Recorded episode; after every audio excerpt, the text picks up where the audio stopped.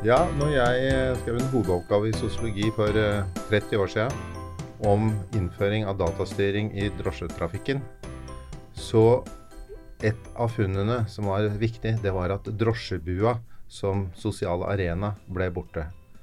Og det bekymra spesielt de eldre sjåførene som hadde drevet på i denne bransjen i mange år. Drosjebua ble borte, og kommunikasjonen over radioen ble borte. Og dermed ble drosjesjåførene de ble mer isolerte og kunne ikke prate på den måten de hadde gjort tidligere. Det skal handle om omtrent det samme i dagens episode av Viten og snakkes. Det skal handle om digitalisering i arbeidslivet. Og selv om robotene ser litt annerledes ut og, og scenarioene ikke ligner sånn helt, så er det kanskje noe av det samme eh, folk er bekymra for i dag. Jeg har fått med meg tre forskere i studio. Eh, den du hørte nå, var Arild Henrik Steen, som er forsker ved Arbeidsforskningsinstituttet. Og som sammen med Anders Undertun har skrevet en ganske fersk rapport om eh, digitalisering eh, i ulike bransjer. Og så har vi med oss fra TKD Laurence Habib, som er professor eh, ved Institutt for informasjonsteknologi. Um, og det, altså, nå tenker jeg at jeg bare slipper dere løs med frykten for robotene. Du kan jo fortsette, Arild, for du holder i Arbeidslivsbarometeret. Er folk redde for at roboter skal eh, ta jobbene deres også i dag? Eller teknologien? Generelt vil jeg si at eh, folk ikke er redde. Vi har nå i de tre siste åra stilt spørsmål eh, om de tror at arbeidsoppgaver vil bli overtatt av roboter eller digitale løsninger. Og det er eh, på en måte overraskende få som, syns, eh, som er redd for det. Men det vi ser, det er at det er en klar utvikling på disse tre årene, hvor andelen som svarer ja, jeg tror at eh, litt eller omtrent halvparten av oppgavene mine vil bli overtatt, den har økt eh, med ca. 10 mm. Eh, Og hvilke næringer er det som er mest liksom, bevisst at dette kan skje? Ja, Det interessante er jo at i den bransjen hvor dette har skjedd mest, der er de på en måte Der ser de for seg at dette vil skje enda mer, og det er finanssektoren. Ja. Og Den skiller seg helt klart ut. De har opplevd digitalisering, og de sier at dette kommer mer og mer. Mm. Men tenker de da altså Et viktig spørsmål er jo kommer teknologien og tar jobbene våre, eller kommer den og endrer jobbene våre? For det er jo ikke helt det samme, er det det, Anders? Nei, det, det er jo helt klart eh, ikke det samme. Um, og i rapporten vår så, så, tenker vi egentlig litt sånn i en, i en skala på hvordan uh, digitalisering uh, kan endre jobbene våre. Um, og på en måte den, den, kanskje den enkleste måten å tenke på, eller det første, første uh, steget, da, det er jo at ulike former for digitalisering eller ulike former for teknologisk utvikling kan være med på å effektivisere jobber. Det kan være med på å kvalitetsforbedre uh, jobbene vi gjør. Uh, det kan være med på å gjøre eh, koordinasjonen av informasjon enklere.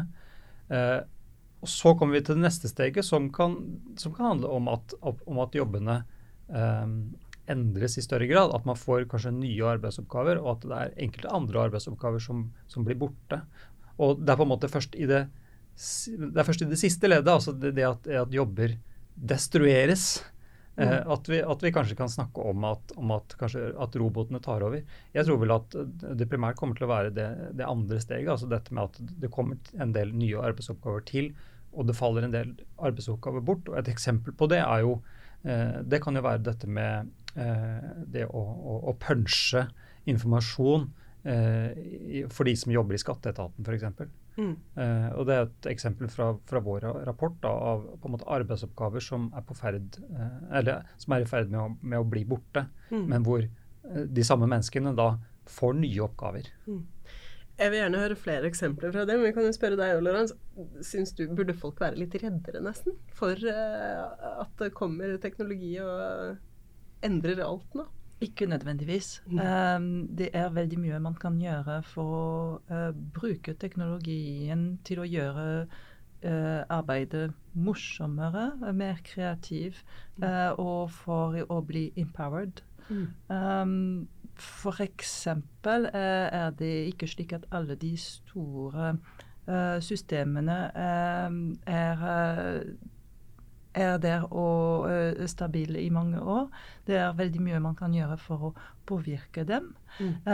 Man snakker om bestillerkompetanse. At de som jobber i andre bransjer enn teknologi, mm. må kunne uttrykke seg på en måte som teknologer forstår. Mm. slik at de kan endre den teknologien for å gjøre deres arbeid bedre gjennom systemene. Mm. Hvis vi hopper tilbake til de fire bransjene dere har sett på, ser dere eksempler på at folk liksom er veldig eh, godt integrert med de systemene de har fått, eller utvikler dem videre? Eh, kan du ta et eksempel fra, fra finanssektoren, da, som, som Arild nevnte innledningsvis her. Mm. Um, det er jo en bransje som, som, nettopp gjennom veldig mange år har vært gjennom ulike former for automatisering. Uh, vi gjorde jo uh, intervjuer på et kundesenter i, innenfor forsikring. Um, og der, der, har de jo uh, nå innført en rekke tiltak da, som, som, som, som, handler om digitalisering. Og et av de tiltakene handler om digital ruting av, av kunder til sånn at ja, Kort fortalt da, så er det sånn at um, hvis kunder ringer til kundesenteret, så, så, skjønner da robotene som på en måte styrer telefontrafikken, mm. eh, om den personen ikke har betalt fakturaen sin i tide, f.eks. Den blir da tatt rett til fakturaavdelingen, eller de som jobber med faktura, eh, sånn at de skal kunne bli hjulpet best mulig. Så telefonnummeret identifiserer dem rett og slett? Ja, sånn de, men da må de være eksisterende kunde. da. Mm. Eller hvis det er nye telefonnumre, så settes de direkte til salg. Mm. Og det er også sånn at når, når kunderådgiveren uh, er i denne samtalen, mm. så kommer det digitale råd, som det heter, mm. fra, fra disse, uh, fra disse uh, robotene. Som da vil kunne se f.eks. hvilke forsikringer denne personen ikke har. Mm. og det interessante der er at kunderådgiveren Eh, er også med på å utvikle eh, denne digitale funksjonen ved å gi en karakter til det rådet man får. Som nettopp da går inn i en form for sånn digital læring. Som kanskje, eh, ironisk nok, da, kan være med på å underminere eh, den jobben ja. som kunderådgiveren har. Så jo bedre man er på å gi karakter, jo mer sannsynlig er det at man mister jobben om noen år. Ja, altså, det, det, er noe så, altså, det som er viktig her, at kunderådgivning er jo også eh, kanskje blant de jobbene som, som tross alt eh, fortsatt vil være viktige. Det er mange som ønsker kunde, altså det er mange kunder som ønsker den type kontakt. Og, og klart, uh, selv om det er veldig mange jobber som har blitt, bort, som har blitt borte i, i, i, bank og forsikring, mm. uh, så er det jo uh, fortsatt sånn at på en måte the human touch mm. er viktig i en del av disse salgene, f.eks. For fordi at dette, dette, er jo ting som handler om ja, liv og helse og, og, disse tingene som er ganske sånn, sånn følelsesmessige. Da. Ja, for Hvordan ser digitalisering ut i eh, en mer sånn helsebransje? Dere, dere har sett på eh, eldreomsorg? Nei? Eh, kommunal hjemmesykepleie. Ja. Hvordan ser det ut der? Ja, Der er det jo innført da det vi kaller digitale arbeidslister og som egentlig er en effektivisering av informasjonen og koordinering av oppgaver eh, i den kommunale hjemmesykepleien. Og dette kan vi si er et ganske sånn enkelt uh, digitaliseringstiltak som effektiviserer uh, kommunikasjon og arbeidsfordeling uh, av hjemmesykepleierne. Og det betyr at det er mindre si, kluss i vekslinga på oppgaver det er lettere kontakt med andre deler av hjelpeapparatet, førstelinje, ja, lege. Eh, det er informasjon om medisinering, f.eks., eh, som går mye eh, bedre. Og det fører da til at de vi snakket med, hjemmesykepleierne, de kunne bruke mer tid på brukeren. Og det syns de var ålreit. De følte at de da kunne levere en bedre tjeneste, og det ble bedre kvalitet. Men på den annen side så mistet de den noe av den kontakten de hadde seg imellom på disse koordineringsmøtene, som da tok ganske mye tid, og nå er komprimert. Sånn at eh, kan du si debrifingen eh, og erfaringsutvekslingen, det fikk en eh, knappere rom. Og da, da gjør det at ledelsen av denne tjenesten, den må jo på en eller annen måte ta det inn over seg og åpne andre arenaer, muligheter for erfaringsutveksling etc. Men er det sånn at det liksom Er det alle jobber som kan digitaliseres? Eh, Se på deg, Loras, dette Det er veldig mange oppgaver som kan digitaliseres. Spørsmålet er er det ønskelig at digitaliseres eller automatiseres. Uh, F.eks. Uh, ta uh, fiolinspilling. Du kan få en robot til å spille ganske mye på et nivå som er kanskje ugjenkjennbar for de fleste i publikum. Uh, men spørsmålet er om uh, du skal uh, dra til konserthuset for å høre en robot spille fiolin. Det, du vil kanskje ikke det. Du vil ha en person, et menneske, som gir litt av sin sjel i den fiolinspillingen, vil jeg tro. Og det samme kan sies om lærere og leger, eller du går ikke på skolen nødvendigvis for å få informasjon overført til deg. Det kan du få uh, veldig godt gjennom å se på video online. Du vil ha en, en lærer som, uh, som bryr seg om deg. Ja. Uh, du vil ha en lege som bryr seg om hva som feiler deg. Så det er en sånn menneskelig X-faktor her som på en måte blir Ja. liksom viktig å kanskje være litt sånn bevisst på, eller hva? Ja, kanskje litt mer enda viktigere. For at den fiolinspilleren som virkelig klarer å lage, legge enda mer i sjela si i spillingen, de, den kommer til å bli den beste fiolinspilleren, og ikke så mye det tekniske.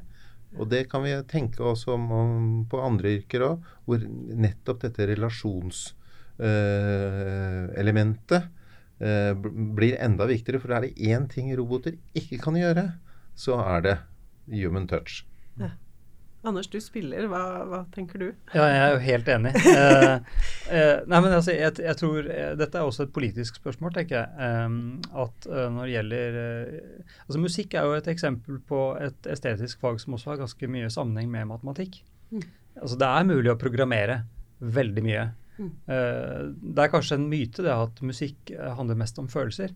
Musikk er jo et av de, altså de feltene som har kanskje mest med matematikk å gjøre. Mm. Men selvfølgelig er det også uh, mye Altså man kan, man kan også bruke uh, altså følelser, emosjoner og, og mye av den estetikken i musikken som man på en måte kanskje da aldri vil helt få fram da, gjennom roboter. Men, men jeg tror uh, jeg, ja, jeg tror det er viktig å på en måte da tenke at vi må bevare kunst, kunstnerne. Altså de som driver med, med, med denne type eh, for, form for eh, ja, virksomhet. da. Ligger det noe der i det ordet? At det er litt sånn eh, kunst? At det er kunsten som på en måte består den menneskelige utførelsen av yrket, mens en del av de tekniske sånn faste oppgavene kan tas over? Hva? Altså i, I de studiene som vi har sett som på en måte tar for seg da, hvilke yrker som, som, kan, som er mest trua, kanskje, så handler det jo om altså Mest av alt så handler det om hva er det som kan rutiniseres. Mm. Det handler om altså, Ting som skal gjøres helt likt. Ting som kan nettopp programmeres, da. Mm. Eh, og det er klart eh, Vi snakker om betydningen av altså face-to-face-relasjoner. Så er det jo nettopp den type yrker som, som det legges vekt på at nettopp kanskje ikke har det samme potensialet. Mm. Eh, kunderelasjoner er, nevnt, ikke sant. Mm. Uh, altså helsetjenester. Uh, den, den, type, den type yrker vil helt klart eh, Altså, det, det er ikke noen grunn til å tenke at de ikke vil bestå i en eller annen form. Og så er det de yrkene som eh, er der til å løse veldig komplekse problemer. Mm. Uh, det at et uh, eh, Og både kompleks og vanskelig å strukturere. Fordi så snart du har strukturert et problem og, og kunnet laget et program for å løse det, da kan en uh, datamaskin ta over. Uh, men det er veldig mange uh, problemer vi har i dag. Um, blant annet miljø, sosiale problemer, som ikke lar seg programmeres. Og da vil den menneskelige evne til å se kompleksiteten av, et problem og håndtere hele kompleksiteten være veldig viktig. Jeg snakket for en tid siden med en jente som sto i en lampebutikk. Og hun fortalte hvordan hennes arbeidssituasjon hadde endra seg i de siste par årene. Før så var hun ekspeditør og bare eh, solgte på en måte enkle lamper og pærer. Eh, og det vil en, eh, en, robot kunne gjøre i framtida. Men så sier hun at nå har min oppgave blitt mye mer interessant, for nå må jeg rådgi kunden. For nå finnes det 100 forskjellige pærer, og det er forskjellige lumens, og det er ledd, og det er forskjellige varmhetsgrader, og alt dette. Det må jeg snakke om med kunden. Og det, eh, og det har gjort min jobb mer interessant. Og eh, lampene dyrere. Og, og, jeg føler at, eh, at, eh, min jobb er trygg, svarte hun. Ja. Jeg tenker jo, I det som Arild sier der, så, så, ligger det også dette med kompetanse. Ja. Det at uh, er da den ansatte i, i, lampebutikken må jo da sette seg inn i alt dette mm. her. Uh, må, må, må, få større teknisk kompetanse. Mm. Kanskje estetisk kompetanse. ikke sant? Um, og det er jo et veldig viktig poeng som også vi har sett i vår studie. At, uh, at um, både høyere og, og, mer riktig kompetanse blir nok viktigere framover. Et eksempel er eh, altså dette som har med førstelinje å gjøre. Hva er førstelinje? Ja, altså Førstelinje er, det kan være kunderådgiveren i forsikringsselskapet, mm. eller det kan være eh, rådgiveren i, i skatteetaten. Eh, og Før så fikk man gjerne en telefon inn fra en, fra en kunde, og så fikk man et, et uh, spørsmål, av, altså et faglig type spørsmål. Man ble så henvist videre. Mm. Nå er tendensen det at førstelinja skal ha kunnskapsnivået både ett og to steg oppover i eh, verdikjeden, da, hvis vi kan kalle det det.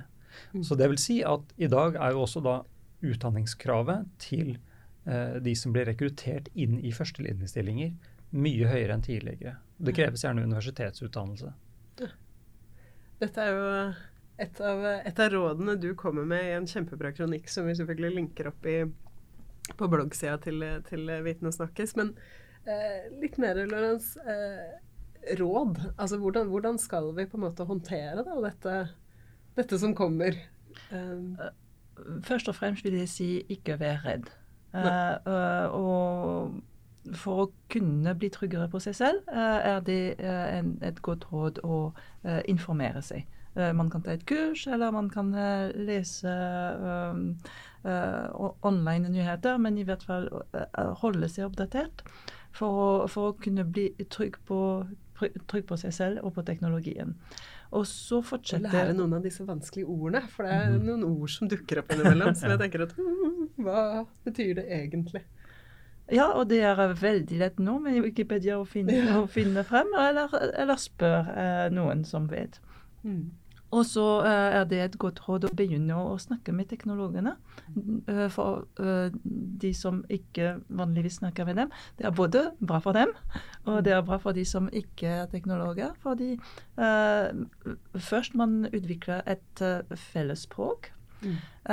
Og, og, for de andre er det ikke slik at teknologene forstår din hverdag på arbeidsplassen nødvendigvis, eh, selv om de, det er de som utvikler de systemene som skal gjøre din hverdag eh, enklere.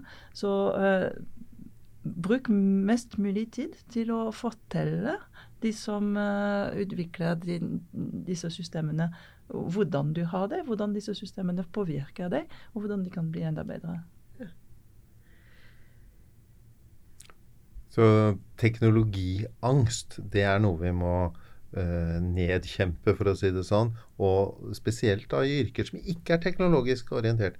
Vi som ikke jobber med teknologi, vi må uh, på en måte bli trygge i, i, i, å bruke teknologi og snakke om teknologi.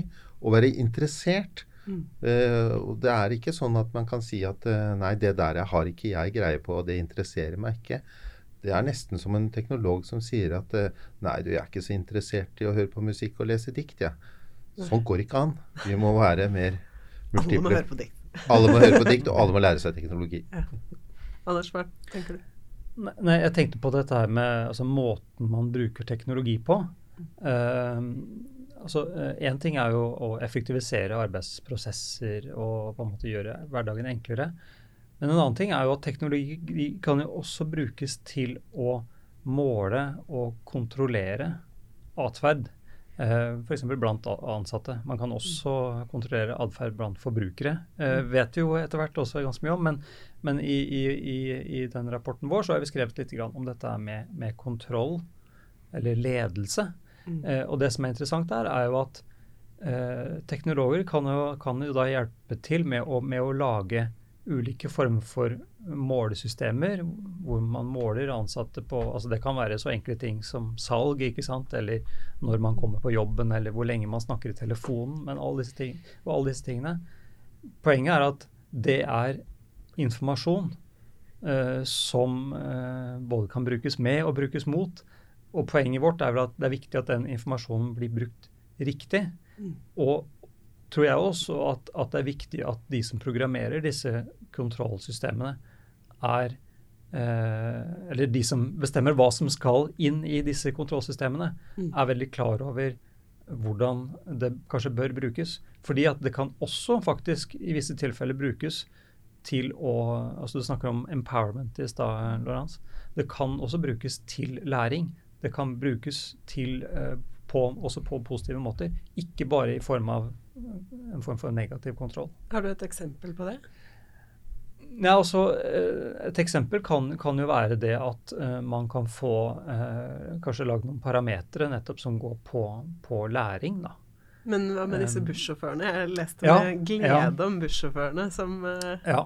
Altså, dette er jo et altså Bussjåfører de, de, de, jobber jo stort sett som tidligere. Men av de tingene som de blir målt på, det er eh, om de kjører eh, behagelig for kundene. Altså at de ikke kjører for fort over dumper og ikke tar for brå svinger og sånne ting. Dette er da informasjon som, som, som, som eh, plukkes opp via sensorteknologi på bussene. I tillegg så er det sånn at de gjerne blir målt på eh, f.eks. unødvendig tomgangskjøring, sånne ting. Eh, og det, er, det, jo, det, handler jo ikke minst om eh, at busselskapene, når, når de vinner konkurranser for å kjøre visse ruter, så forplikter de seg også til å ha visse miljøstandarder. Og det er klart, dette er jo en form for læring som, som, som også da gjør sjåførene både mer miljøbevisste og, og, og, og at de altså blir bedre sjåfører, kan man si. da. Ja, for det går kanskje litt sånn sport i å ja, men det, kjøre men det, klart, det, det, ligger jo, det ligger jo så klare sånn kontroll mekanismer der. Mm. Men inntil videre, altså i, i, vår studie så fant ikke vi at det var noen form for sanksjonering. Mm. Eh, egentlig. Eh, men, men, men, det er jo fortsatt sånn at sjåførene ble jo gjort klar over at uh, nå, nå, må du kanskje roe deg litt grann, sant, i, når du skal kjøre det, de mm. og de svingene. Ja. Og, og, Poenget er at dette her, som Anders er inne på, det kan brukes negativt. Ja. Og hvis du er som leder på en måte er litt uh, korttenkt, man kunne også si lat, så tenker du bare at ja, men dette må vi vi må få bedre uh, resultater på det og det parameteret. Ergo vi lager et bonus- uh, eller et uh, straffesystem på dette. Og de som da har minst avvik fra optimal kjøreatferd, de får liksom så og så mye i lønnstillegg. Mm. Og da har du det gående på en måte i problematiske måter å å fremme eh, en god uh, oppgaveutførelse. Mm. Uh, og det er, en, det er, en, tendens til at uh, noen tenker at ja, men da løser vi det på denne måten, istedenfor å liksom motivere bussjåføren og sånn som du sa, la det gå sport i det, mm. og, og oppnå gode resultater. Ja. Og Det er en ledelsesutfordring, og dette løses, løses ikke teknologisk. Men teknologien kan hjelpe her, og den kan uh, brukes feil. Mm. Og her er kun bussjåfør i stand til å se helheten i sin jobb. Mm. Uh, F.eks. det kan være uh, det, det, viktigste i en kundeopplevelse kan være at bussjåføren smiler til kunden. Mm. mm. Og dette, enn så lenge, mm. er, er, ikke uh, data som hentes av et system. Det kan, det kan, selvfølgelig endres etter hvert. Mm. men en bussjåfør eller enhver yrkesutøver er, er kanskje den eneste som kan se helheten i jobben. Mm. Uh, og det kan ikke robotene gjøre for dem. Men om noen år så har vi jo ikke bussjåføren lenger. Det må vi også. Da er vi over i, sannsynligvis også i jobbdestruksjon. Ja, for selvkjørende busser er vel ikke så langt unna. Men kanskje ikke på norske vinterveier i uh, hva, hva er, det, er, det, begrensninger, liksom, på hva slags forhold uh, man kan se for seg at uh, jeg tror man kan se for seg at teknologi kan løse veldig veldig mye mm. på lang sikt. Det som uh, man kan uh, stille spørsmål til, er om en kunde ønsker uh, å være i en uh, buss som ikke er kjøpt av noen, mm. eller som, om de ønsker helt andre opplevelser, f.eks. Mm. en person som er guide mm. Ja. på mm. en buss. Eller mm. det, det, er mulig at det er fremtiden til uh, de som tar busser i, i lengre distanser. Ja? At, at bussjåfører kanskje må, må, må, må tilegne seg mer språkkunnskaper, f.eks. Og nettopp da kunne være som du sier, guide i tillegg til bussjåfør på, når man kjører tyske og, og, og britiske turister rundt på, på norske vestlandsveier. Mm. Så jobbene endrer seg. Ledere må endre hvordan de jobber. Eh, og, og, hva slags råd har vi til studentene som skal liksom, oppsøke disse yrkene nå, da? Fordi de burde, burde de høre på foreldrene sine? Det høres jo ut som vi ikke vet mye om hvordan arbeidslivet ser ut om 20 år? I utgangspunktet så vil jeg si eh, ikke gjør som mora di sier. Nei. Det er jo det er selvsagt eh, satt veldig på spissen, men foreldre det, det Undersøkelser som vi har gjort, viser at det er foreldre som har den, den største innflytelse på eh, barnas eh, utdannings- og yrkesvalg. Og det er ganske opplagt. Mm. Eh, men eh, vi foreldre vi ser det jo ut fra våre erfaringer med arbeidslivet, og vi, vi har uh, problemer med å se framover. Og vi har en tendens til å gi råd, som konserverer de eh, strukturene vi har i arbeidslivet, og ikke minst på det kjønnsdelte arbeidslivet. Så bidrar vi til det. Og velg, eh, velg noe trygt, du, jenta mi. Det er liksom eh, Eller gutten min. Så og, og, ta ikke noen sjanser. Men, men eh, vi, vi kan, det er veldig vanskelig for oss å forutse hvilke yrker som, som, eh, som kommer i framtida. Uh, og et eksempel kan være et yrke som uh, personlig trener. Hadde du spurt meg for 20 år siden, eller kanskje 10, eller kanskje 5 år siden, det er noe framtid i en sånn yrke, tror jeg bare blåst av det og sagt herregud, det er ikke noe sjans. Men der tok jeg feil. Eh, kanskje det viktigste er ikke å finne ut hva slags yrke man har, fordi det er stor sannsynlighet uh, til at den yrken man starter med, uh, kommer til å endre seg så mye at den ikke er gjenkjennbar på sikt. det viktigste er kanskje ikke de ferdighetene man utvikler i løpet, i løpet, av et studium, men andre ting som kreativitet, Eh, kritisk sans, uh, uh, evne til å håndtere kompleksitet, f.eks. Mm. mm. Jeg er også enig med, med Laurence der at uh, um, nettopp altså, En mer sånn helhetlig kompetanse mm. vil være veldig viktig. Mm. Uh, men når det er sagt, så, så, så tror jeg også at uh, generelt sett at formell kompetanse vil være veldig viktig. Fordi at det kommer til å bli, det til å bli stor konkurranse om jobbene ja. framover. Uh, og, og, og, en form for altså grunnleggende kompetanse, en grunnleggende formell kompetanse vil nok være viktig uansett hvilken jobb du skal ha. Selv om, selv om vi ser på en måte den tendensene nå da, til at, at uh, kanskje til en større polarisering av arbeidslivet, hvor du får på en måte uh, høykompetansejobber på den ene siden og lavkompetansejobber på den andre sida. Ja. Uh, sånn at det rådet altså på en Så måte Så midten forsvinner, liksom? Ja, det, det, det, er det ganske mange som, som mener, da. Mm. Uh, og det er jo noe som vi ikke egentlig har vært uh, så mye innpå i, i samtalen hittil. Mm. Men, men uh, det er ganske mange som mener at, at digitaliseringa er én av flere prosesser som er med på å, å undergrave middelklassen, f.eks. Ja. Mm. Dette merker jeg kan bli en podkastserie. Eh, mer enn én en episode. Vi får nesten eh, Kanskje vi skal lage den. Um, men vi får runde av litt foreløpig. Har vi liksom noen sånn kort oppsummering? Jeg sitter og tenker sånn Ikke vær redd, men uh, vær nysgjerrig. Vær bevisst. Vær uh, Liksom følg med. Og vær Oppsøk kunnskap, i hvert fall. Så godt du kan. Hva ja, tenker dere? Jo, det høres jo fint ut. Og, vakkert. Eh, og nå har vi kanskje vært eh, ganske mye sånn teknologioptimister.